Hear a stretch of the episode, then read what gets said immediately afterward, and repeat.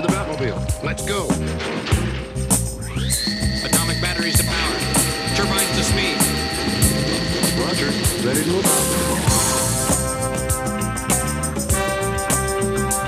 I'm ready to shoot now. My cock is ready. I want to fuck. Let's go. Starring the mad prophet of the airways, Woo! God torsdag formiddag. Du hører på Kinosyndromet. Vi skal som vanlig gå gjennom nye filmer. Vi skal snakke om nye serier. Det er mye spennende denne uken. Eh, vi har vært og sett nye Steven Spielberg-filmen 'Bridge of Spice'. Jeg har sett Goosebumps 3D, eller 'Grøsserne', som det heter på norsk. Uh, vi skal snakke om nye serien uh, The Man in the High Castle, som går på Amazon Video. Eh, Henrik skal gå gjennom uh, norske filmhistorien, og vi skal også snakke om eh, Chris Hemsworth, som er litt i vinden. Men før vi skal gjøre noe av det, skal vi høre ukens låt her i Studentradioen. Det er eh, Sofie Krüger med 'Pappas bank'. Man har jo den såkalte arbeiderklassen, og man har overklassen. De fleste syns det er kekt å høre. Det nærmeste Øst-Europa vi har vært i dette huset her, russisk kaviar.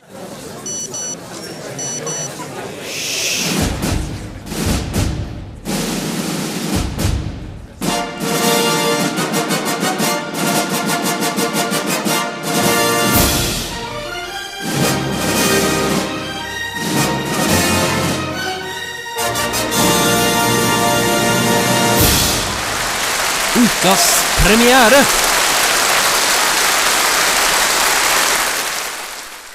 Det var eh, Sofie Krüger med 'Pappas bank' du hørte. Eh, jeg heter uh, Torvald Næss. I studio i dag så har jeg med meg Taume og eh, Henrik. Kan dere si hallo til lytteren? Hei, lytter! Eh, denne uken eh, har vi vært og sett nye Steven Spielberg-filmen 'Bridge of Spice'. Eh, film om eh, den kalde krigen mot Tom Hanks eh, spiller en advokat som må løpe rundt og bekymre seg over kommunister og kapitalister som ikke klarer å være venner.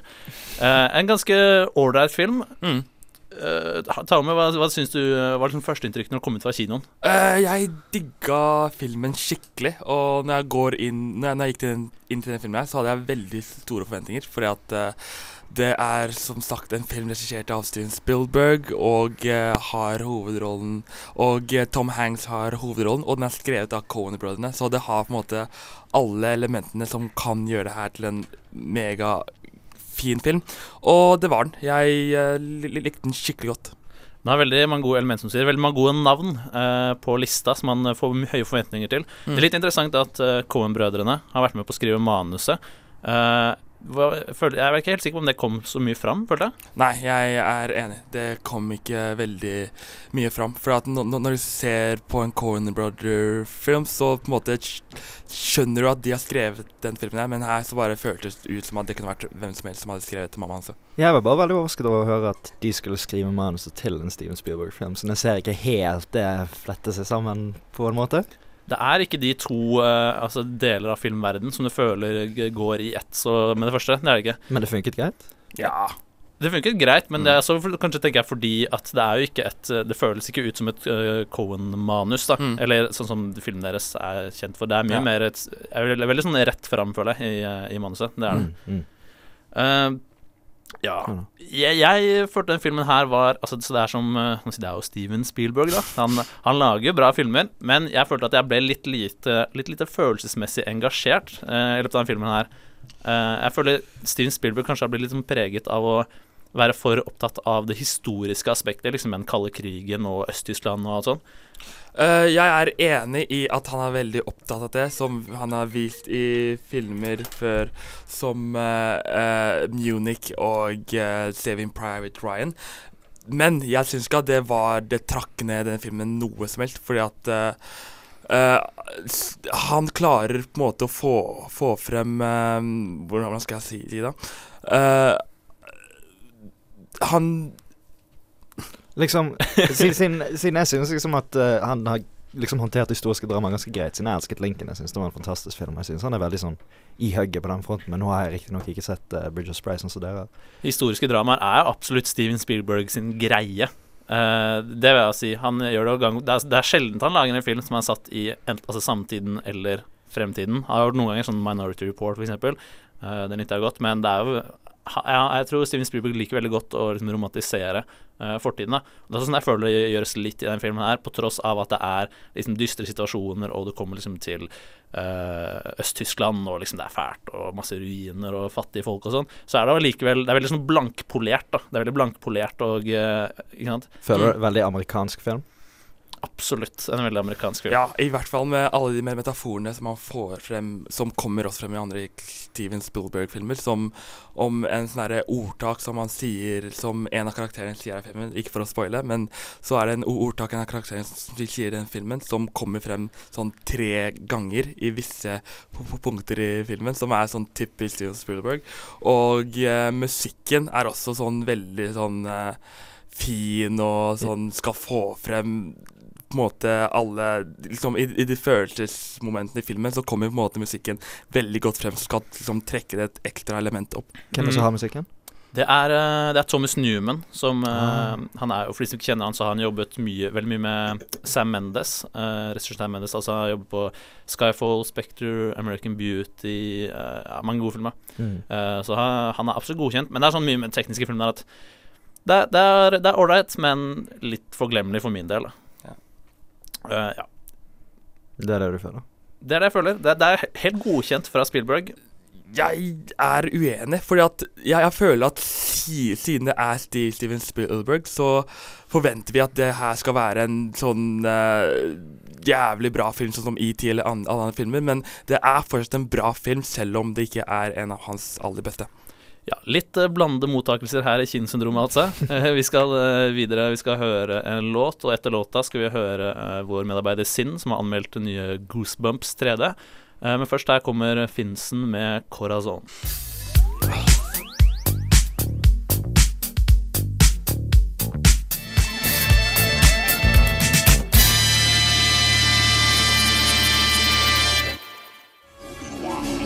told you what happened to your father. He told me enough. He told me you killed him. No, I am your dad. Nei, kutt, kutt, kutt. Det er I am your father. Ok, vi tar det en gang til på toppen. Du hører på Kinosyndromet. Action.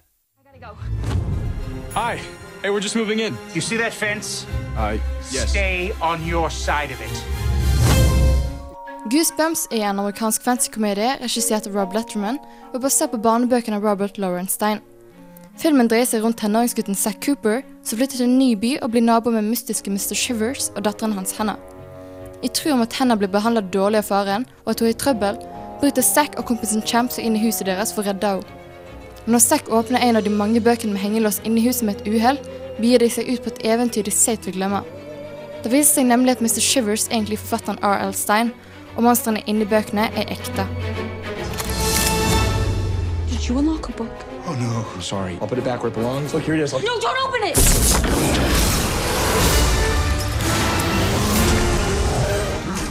Filmen starter med å presentere karakterene sine på en ganske ok måte, og vi forstår fort hva den skal handle om. Alt skjer faktisk så fort at det noen ganger er vanskelig å følge helt med, og det virker som om filmen prøver å berøre mange temaer på en gang, uten helt å gjennomføre det. Det er som å skrape på overflaten av en fryst dam med en plastkniv. Det hjelper heller ikke når skuespillerne ikke klarer å overbevise med sine ferdigheter. Hovedpersonen Zack, som spilt av Dull Minnet, er kanskje den flateste av de alle, og har ingen personlighet. Han er òg en irriterende sidekick som egentlig bare fins for at publikum skal ha noe å le av. Ingen av de har noen personlig utvikling utenom R.L. Stein, som er spilt av Jack Black, som i det hele bildet gjør en ganske ok jobb med å være Jack Black. Abominable snowman just crawled out of a book. That doesn't just happen. You've just released every monster I've ever created. What was that? It's the invisible boy. Ow! Uh, he's such a cracker. Filmen skal egentlig være humoristisk lada, men jeg må dessverre si at en del av vitsene og de morsomme situasjonene enten er veldig oppbrukt eller tørre som knekkebrød. Det betyr ikke at jeg aldri lo, men jeg setter mer pris på handlingen i filmen enn dialogen. Og i handlingen finner du forresten alt du noen gang har sett av klisjeer, og ikke på en smakfull måte. Du vet òg akkurat hva som kommer til å skje i de neste scenene, og hvordan den slutter omtrent en tredjedel inn i filmen. Manusforfatteren har helt klart skrevet han etter Hollywood-modellen, med en helt klinkeklar introduksjon, oppbygging og klimaks. Jeg syns den minner litt om lavbudsjettfilmer som blir produsert og sendt på Disney Channel, bare med litt kulere effekter. All right? Yeah, yeah, yeah. If we know their weaknesses, we can capture them all. We're the only ones who can do this. My god, how'd you do that? Sore fillings. I have a ton of cavities. When I was 10, I didn't brush my teeth for a whole year. For å lage spesialeffektene brukte produksjonsteamet en teodolitt, eller en siktekikkert på norsk, for å kartlegge byen de skal spille inn i, for å gjøre den fiksjonelle CGI-byen i filmen så detaljert som mulig. Med et budsjett på 58 millioner dollar vil jeg si at spesialeffektene holder mål og er flotte å se på. Det er varulver, onde gnomer og usynlige skapninger som mange barn vil like. Men glemte de helt å bruke penger på resten av filmen? Det hjelper nemlig ikke at filmen ser bra ut om resten ikke funker. Gnomes? Maybe they're friendly. Not friendly. Definitely not friendly. Mens barnebøkene Goosebumps er basert på, er ment å være skumle grøssefortellinger, vipper filmen mer over på å være en actionfilm, der bygninger blir knust, og vi hele tida befinner oss i bevegelse. Det er òg morsomt med små referanser til andre kjente verk, som f.eks. Stephen Kings The Shining. Det er derimot veldig åpenbart at filmen sikter til et publikum som er et par hakk yngre enn meg sjøl, eller til familier med barn. Den er barnevennlig og til tider sjarmerende. Masse av humoren og handlingen føler jeg er meningen skal appellere til den yngre delen av befolkningen, som nesten dømmer han deretter. Han er helt ok på sitt beste og helt elendig på sitt verste. Det er ikke noe dyp film på noe som helst måte, men er kanskje underholdende for de som er litt yngre. Han kommer derimot mest sannsynlig ikke til å sette store spor i verken filmverden eller hos publikum.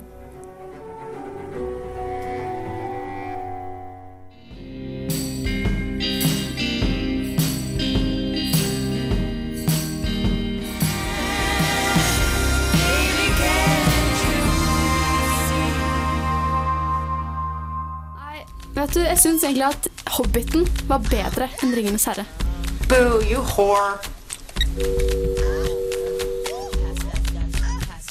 I kinosyndromet kan du mene hva du vil.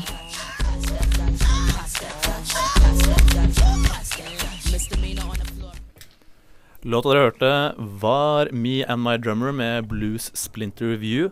Eh, Jeg heter Torvald, med meg i studio har jeg Henrik og Tame. Og ja. nå skal vi snakke om en fyr som eh, er i vinden. En fyr som har mye på gang. Han har mange jern i ilden. Det er snakk om eh, alles favoritthunk, kanskje. Chris Hemsworth. Eh, han, altså, han har mange filmer på gang nå. Han eh, skal være med i uh, Ron Howard-filmen 'Heart of the Sea', som er altså si, løst basert på Moby Dick. Det er, det er, altså, det er en stor hvit hval og ting ute på sjøen, men det er ikke Moby Dick, altså. Det er, det, er basert på hendelsen som inspirerte Moby Dick. Ok, ja. Hollywood begynner å gå tom, eller? Uansett, han er det. Um, så kommer også oppfølger til Snow White and The Huntsman, uh, The Huntsman Winter's War, hvor han uh, skal uh, spille rollen igjen som The Huntsman, jegeren som hjelper Snehvit. Og uh, selvfølgelig så er han jo Thor i både Avengers-filmene og i uh, Thor-serien sjæl. Ja. Så det er en fyr som har mye på gang. Uh, kjapt, Henrik. Hva, hva Liker du Chris Hemsworth, eller er han en kvalitetsfyr? Jeg vet ikke, jeg, jeg, kanskje, kanskje han ikke har hatt nok utfordrende roller ennå til å virkelig kunne utfolde seg ordentlig, så det er litt vanskelig å bedømme nå. Jeg syns han er OK, han gjør en grei jobb med det han har, men han har liksom mye av det samme. Han er Hanken, han er, han er Thor. Ja, jeg er veldig enig. Eh, alle de filmene han har spilt til hittil, så har han gjort en god jobb. Men som sagt så har han ikke spilt noen rolle hvor han må virkelig utfordre seg selv eller gjøre spille mer enn det han er. Så jeg gleder, meg til å se han i de nye filmene hvor han faktisk må uh, by litt mer på seg selv. Jeg ser absolutt uh, hva dere mener. For meg så er Chris Hemsworth Han er litt i samme klasse som Channing Tatum. At Ja, men ikke sant, fordi veldig han, han, han er som åpenbart er hunk, alle damene liker han sånn. Mm. Uh, man mistenker at han kan spille bra sånn dramatisk, men Mm. kanskje han ikke har fått helt muligheten ennå. Derfor syns jeg i hvert fall det er veldig spennende å se han i uh, Heart of the Sea, eksempel, med Ron Howard, som er veldig god regissør. Han har jobbet med han en gang før, uh, i Rush, Ja, altså Formel, ja. Formel 1-filmen. Eh, men der spiller han jo også en rolle som virker som er veldig tilpasset en fyr som Chris Hemsworth. Ja. Hvor han spiller liksom en playboy som Mm. bare vinner i livet. Bare player. player. Det er helt sykt. Men han har jo gått gjennom uh, nå, nå, nå, Det er jo den første filmen nå som kommer ut. Det blir jo Heart of the Sea, som kommer ut veldig snart. Og um, han har jo tapt mye vekt. Dette er jo det som er nyheten da for tiden. at han har, uh, han har mistet en god del kilo i muskelmasse. Og eh, hvis du har sett bilder av det, så er det ganske utrolig. Vi skal legge ut link på, link på, på Så, siden. Facebook, Instagram. Og Instagram, alle steder. Det er sant, Han er ikke like beefcake som han pleide å være. Eh, tror det, kan det Fordi er ikke det hans ess opp i ermet å bare være en svær, kjekk fyr? Vel, nå som han jobber med en sånn autør-regissør som Ron Howard, liksom, så er det Så, så, så er det, dette kanskje hans, hans sjanse til å få, få eh, utfolde seg litt. Mm. Og da tror jeg å gjøre noe sånn her method acting-aktig sak så dette er en god indikator på hva han har lyst til å gjøre. Lyst, at, at han har lyst til å utfordre seg, da. Ja, jeg er uh, veldig enig. Å, jo, jeg har en fan fact om Chris Hammer, bare for å ta det helt, et helt annet sted. Uh, hans aller første film var Star, Star, Star Trek, som på en måte startet opp hele karrieren hans. Og uh, den rollen som han hadde, var George Kirk, som er sønnen til James Kirk. Og den rollen gikk egentlig til Mark Wahlberg, men han sa nei til rollen fordi at han ikke helt skjønte hele Star Trek-universet og hele scriptet. Han bare Nei, det her gidder jeg ikke. Så da gikk den på andreplass til Kim Chris Humphry, for, som var på den tiden en sånn helt ukjent skuespiller som ikke hadde gjort noe som helst før. Oh, wow. Så vi kan takke Mark Nei, ja. Vi kan takke Marky Mm, det Mark. Marky Mark. Marky Mark and Frankie Bunch. Ja, Ja da.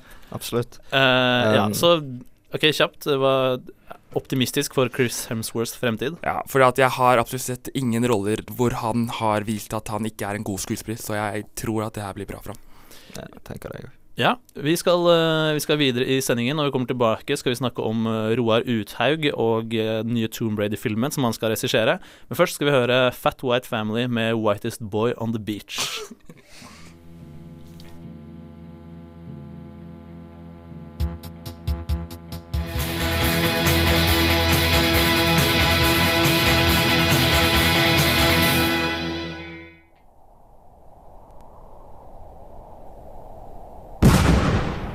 Se til helvete og kom dere vekk! Det er ikke en katt! Det er Ah, faen. Sorry. Kutt! Det er ikke en bikkje. Det er ikke en bikkje. Det er ikke en bikkje. Ta det igjen fra toppen. Hør på Kinosyndromet hver torsdag fra 11 til 12 her på Studentradioen i Bergen. And action. Det var uh, Fat White Family med Whitest Boy on the Beach. Jeg heter Thorvald. Med meg i studio har jeg Taume og Henrik. Og eh, vi har nylig denne uken fått høre nyheten om at norske regissøren eh, Roar Uthaug, som nylig var aktuell med Bølgen, eh, skal regissere en eh, oppstart av serien Tomb Raider. Taume er begeistret. Vi har delt rom på hennes sponsorgreier. ja, uh, Tomb Raider-serien det altså, det er jo to filmer fra før som kom ut på 2000-tallet, med Angelina, Angelina Jolie i rollen mm. som eh, Lara Croft. Og eh, ja, hva syns dere om den serien? Jeg personlig ikke, var, ikke, var ikke så begeistret. Når jeg var liten, så syntes jeg det her var en av de beste filmene noen gang laget. Det her var helt fantastisk. Men så så jeg den på nytt for uh, ett eller to år siden, og da Da var den ikke så veldig bra. Nei, det, det er bare sånn generelt videogame Ja. eh, Adaptasjoner av videospill og sånt. Det er bare Det blir automatisk eh, merkevaren som kommer frem, og du, den historien de prøver å presse på, ofte så veldig kjedelig, syns jeg. Eh, jeg har ikke så veldig mye forhåpninger for dette. Hvis det, hvis det var én serie jeg ville reboote, så hadde det ikke vært Tomb Raider-serien, for å si det sånn. Nei, det er helt sant det med, video, altså med uh, spilladapsjoner. Det er veldig veldig sjeldent det har gått bra.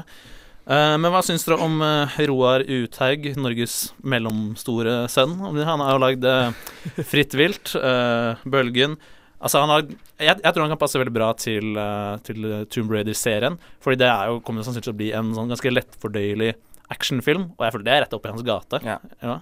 Jeg er veldig enig, fordi at eh, jeg har sett Bølgen, og når jeg, når jeg så den, så føltes dette her ut som en sånn skikkelig Hollywood blockbuster-film. Det var på samme nivå, og jeg ble overrasket når jeg nå og at budsjettet var på 50 millioner eh, kroner, som er knøttlite i, i forhold til hva store Hollywood-filmer har, som jeg mener at denne her var på samme standard med. Så jeg føler at det her blir en virkelig bra sånn eh, film for se, filmserie for ham. Mm. Ja, det, det lukter Hollywood, det gjør det, av bølgen. Det gjør Ja. det. uh, Sånn personlig er jeg ikke sånn sykt begeistret over han, det han har lagd så langt. Men nå tror ikke jeg kommer til å bli så begeistret for en Tomb Raider-film heller. Så kanskje han passer til sitt Nei, jeg liker filmen ut ut er ganske bra, uh, men jeg føler at man må, man må ta de for det de er, da, ikke sant. Uh, jeg syns det er helt, helt greit å gå og se en, en underholdningsfilm som ikke gir deg så mye, egentlig, men det er, det er underholdende, det er kule effekter og alt det der. Eh, det er ålreit, er det ikke det? Jeg er enig. Det, Men nå, så vidt jeg forstår, så skal Angelina Jolie ikke ta gjenta rollen som eh, som Lara Croft, det er vel det hun heter? Ja. Lara Ja. Croft. det er veldig greit. For at hun sa selv når de ofra henne rollen, at nei, ingen vil se en gammel dame spille Lara Croft. Så mm. så det? Jeg Eller jeg er sikker på at hun ikke sa det. Nei, jeg vet ikke. Hun har jo blitt regissør nå hele pakken. Hun er kanskje litt for moden for slike ting, kanskje. Hun har det, men jeg tenker ok, hvis Sylvester Stallone kan være 68 år og spille i Expendables, så føler jeg Angelina Jolie hadde klart å eh, være Lara Croft igjen, altså. Det tror jeg. Ikke for å være sånn Vel, det er sånn generelt problem i Hollywood, nesten, da. At, uh, you know, når du når 40, så spiller du heks. Ja. Det, det, er liksom, det, er- det er liksom bare sånn det er. Det var slik Meryl Streep sa det så fantastisk. Med det året hun fylte 40, 40 så fikk hun tre roll- rolletilbud for å være heks. Og jeg, jeg ser liksom ikke den kvinnelige kvinnelige action- actionstjernen actionstjernen eh, noen gang snart. I hvert fall ikke fra Angelina Jolie. Nei, men det var ikke så mange år siden hun var i uh, Husker du Salt? Husker du? Eh, ja. Kom i 2010. Mm. Uh, det er fem år siden. Altså Der var hun jo action som barakkeren. Går ut og banker alle gutta.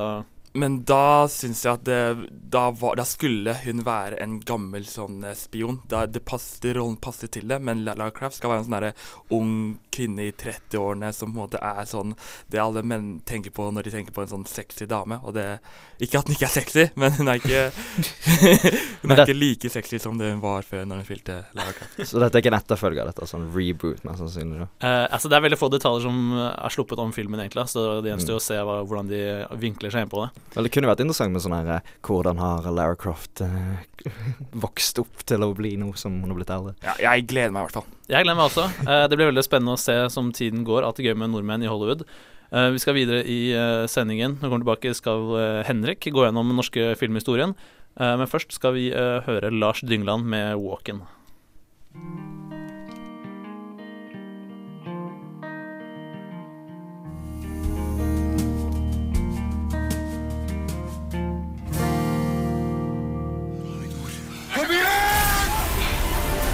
Birkebeinere!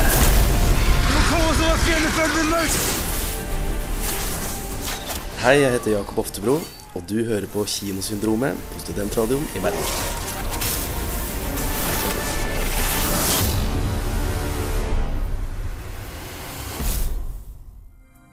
Dette er Norges filmhistorie. På tre minutter.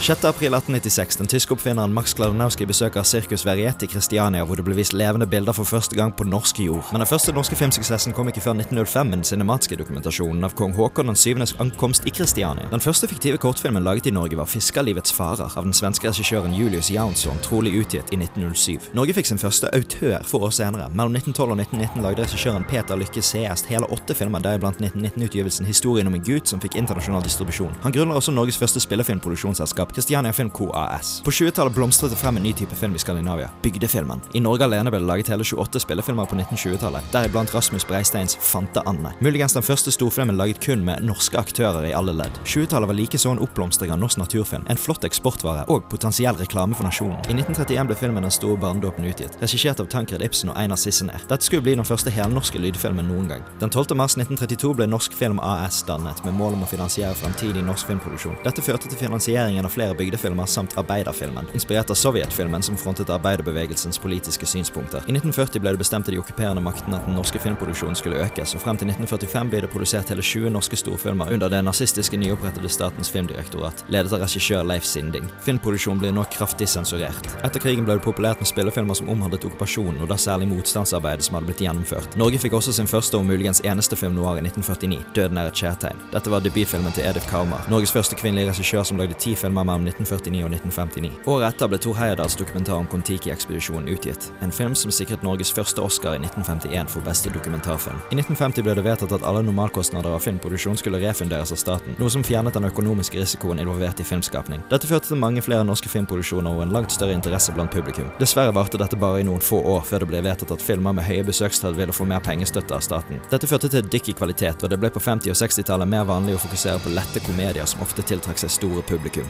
I 1957 ble filmen Ni liv laget av regissør Arne Skogan, den første norske filmen nominert til Oscar for beste utenlandske film. I 1966 tok filmregissøren Erik Borge over som leder i Norsk Film AS. Han hadde vært en stor aktør for kunstfilmproduksjon i Norge på 60-tallet. Ved 70-tallet hadde TV blitt det primære visuelle medium, ergo mindre kinobesøk. Til tross for dette ble det produsert store kinosuksesser som Olsenbanden-filmene og Flåklypa Grand Prix. Fra 1976 til 1995 ble filmskaperne Sven Wam og Petter Vennerød kjent for sin hyppige produksjon av anarkistisk, sosialrealistisk film. Det ble også mer vanlig å følge en mer Hollywood-inspirert filmstruktur, noe som førte til 80-tallsutgivelsen av Orions belte og den Oscar-nominerte Veiviseren. I 1996 blir den norske filmen Søndagsengler nominert til Oscar for beste utenlandske film. Elling ble nominert til Oscar for beste utenlandske film i 2001, og i 2006 vinner Norge sin andre og foreløpig siste Oscar-statue for kortfilmen Den danske dikteren laget av Toril Kove. I 2012 blir Kon-Tiki nominert til Oscar for beste utenlandske film. Denne biografiske filmen blir den mest suksessfulle norske filmen i USA. I 2015 blir filmen The Imitation Game, som er regissert av bergenseren Morten Tyldum, nominert til Oscar for beste film, men den var strengt tatt ikke norsk. Og hvem vet hva fremtiden vil bringe?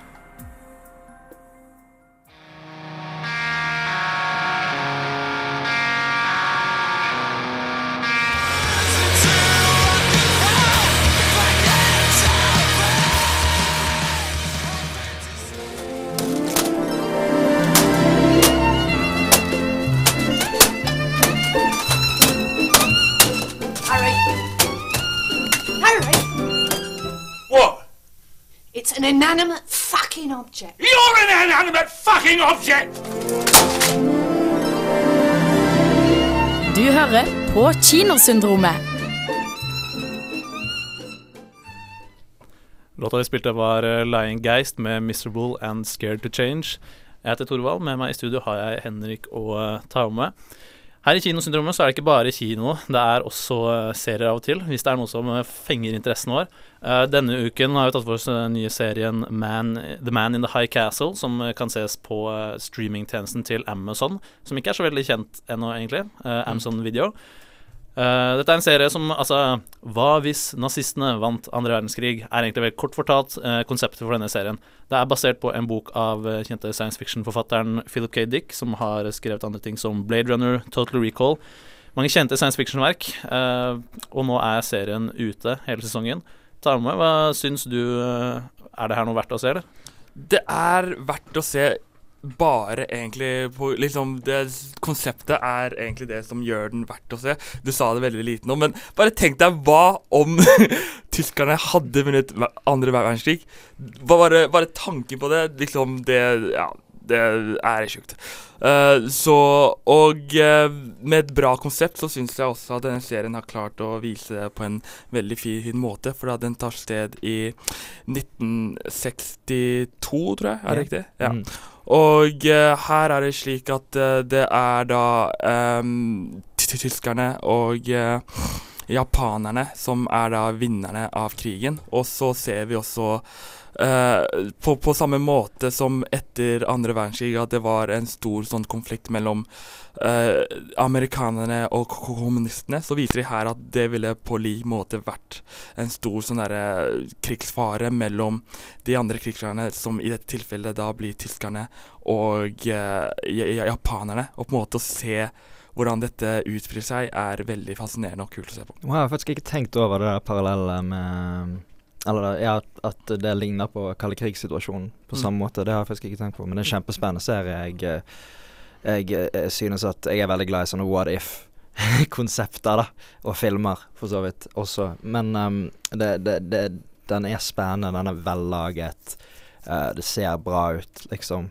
Uh, det har en litt sånn noir Litt sånn noir-stil, fordi det er på 60-tallet. Um, men på en veldig moderne måte, og det er, det, det er mye sånn cliffhangers, og det er jo veldig spennende. ok. Ja, for det er det jeg har lyst, lyst til å snakke litt om. Fordi ofte med nye serier så er det sånn eh, I bakhodet mitt så legger jeg på en måte i én av to kategorier. Enten så er det en sånn, en sånn kvalitetsserie, sånn type HBO-serie, ikke sant. Eller så er det mer en, en helt vanlig serie. Og den her er jeg ikke helt sikker på hvor den faller, for jeg føler den har mange liksom, elementer av å være en kvalitetsserie. Mm. Uh, med tanke på at den er ja, veldig, veldig bra produsert og veldig fascinerende historie, og den griper deg veldig. Men samtidig så er det som sier, noen cliffhangers og litt sånn kanskje mer skal si, billige elementer, da, bare sånn for å holde på interessen til seeren fra episode til episode. Vel, um, det, nå har de akkurat gitt ut de ti første episodene som utgjør første sesongen. Og det er jo planen om å la, lage det videre, da. Eh, så jeg føler at det, det er et konsept som funker veldig greit nå. Men hvor lenge det kommer til å vare, det er en annen ting. Hvor lenge kan man spille på dette på, ah, på, et, på et rent what if-konsept? Og hvor lenge kan du gjøre det interessant? Et annet, et annet spørsmål. Eh, jeg syns at For at eh, det som også er noe som skjer i den serien her, er at vi, vi ja, Ikke for å spoile så veldig mye, men så er det noen sånn filmruller hvor det viser at vi faktisk vant krigen. Det viser vår realitet. Så hvordan jeg ser denne serien gå videre senere, er at de på en måte spiller mer og mer på science fiction-delen. Og da tror jeg at serien kan gå ve veldig langt, hvis de går på det. Når du sier vår side, mener du altså de, de allierte? Ja, at Eh, faktisk at det er vår realitet sånn som vi lever i nå. At faktisk Ja, de allierte vant. Ja. Vel, kanskje? Ja, ja, men ja. uh, men ja, jeg tror det kommer til å bli Det, det begynner veldig sånn um, What if, og det blir mer sci-fi, uten tvil. Dette er jo Philip K. Dick, som du har sagt. Mm. Så. Ja, det, det jeg liker ganske godt, er at jeg føler den har unngått uh, Altså Ok, Jeg syns ikke alle karakterene som har blitt introdusert nå i de første episodene, er sånn sykt spennende, men det jeg liker, er at uh, de har unngått å liksom avbilde nazistene uh, bare som å, det er nazistene, liksom helt umenneskelige folk som bare er endimensjonelle karakterer som er rent onde. Det er, det er, det er fordi nazistkarakterene man blir kjent med til, er ganske nyanserte. Altså, det er ikke sånn det er ikke som den der Iron Sky. da Hvis du setter den liksom, Å, nazistene kommer tilbake fra månen fordi de er så onde. Og liksom, det er ikke det. Det er, det er ganske sånn ja, ordentlig. Det liker jeg. Det er noen nyanser der, men de som er onde, er faen meg onde, liksom. det, det er super-nazis, det er jo det. De verste av de verste. Altså, de er jo det, men de er karakterer med altså, de, er, de har litt dybde, de karakterene. De er, ja, ikke ja. sant? De er ikke endimensjonelle. Ja, du får en bakhistorie Litt ja, de er ikke sånn. som endimensjonelle bad guys. Mm. Men eh, ja, The Man in the High Castle kan du se på uh, Amazon eh, Video eller andre måter, Uh, hvis du er litt eh. uh vi, skal, vi skal høre en låt før vi avslutter sendingen. Her kommer Hester V75 med Players.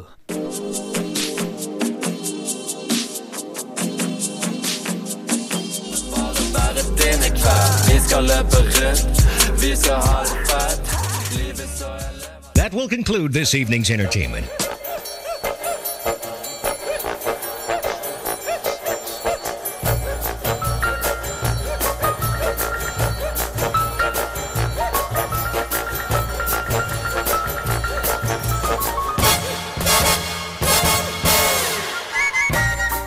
Det var eh, Kinosyndromet for denne gang. Vi har gått gjennom eh, mye spennende denne uken, syns jeg. Litt norsk, litt fra utlandet. God miks. Henrik, hva snakket vi om denne uken? her? Vi har snakket om eh, Chris Hemsworth sin nye film. Um, ja, Grøsserne har vi snakket om. Nei, Grøsserne har snakket om. Mm, vi har snakket om uh, serien The Man in the High Castle.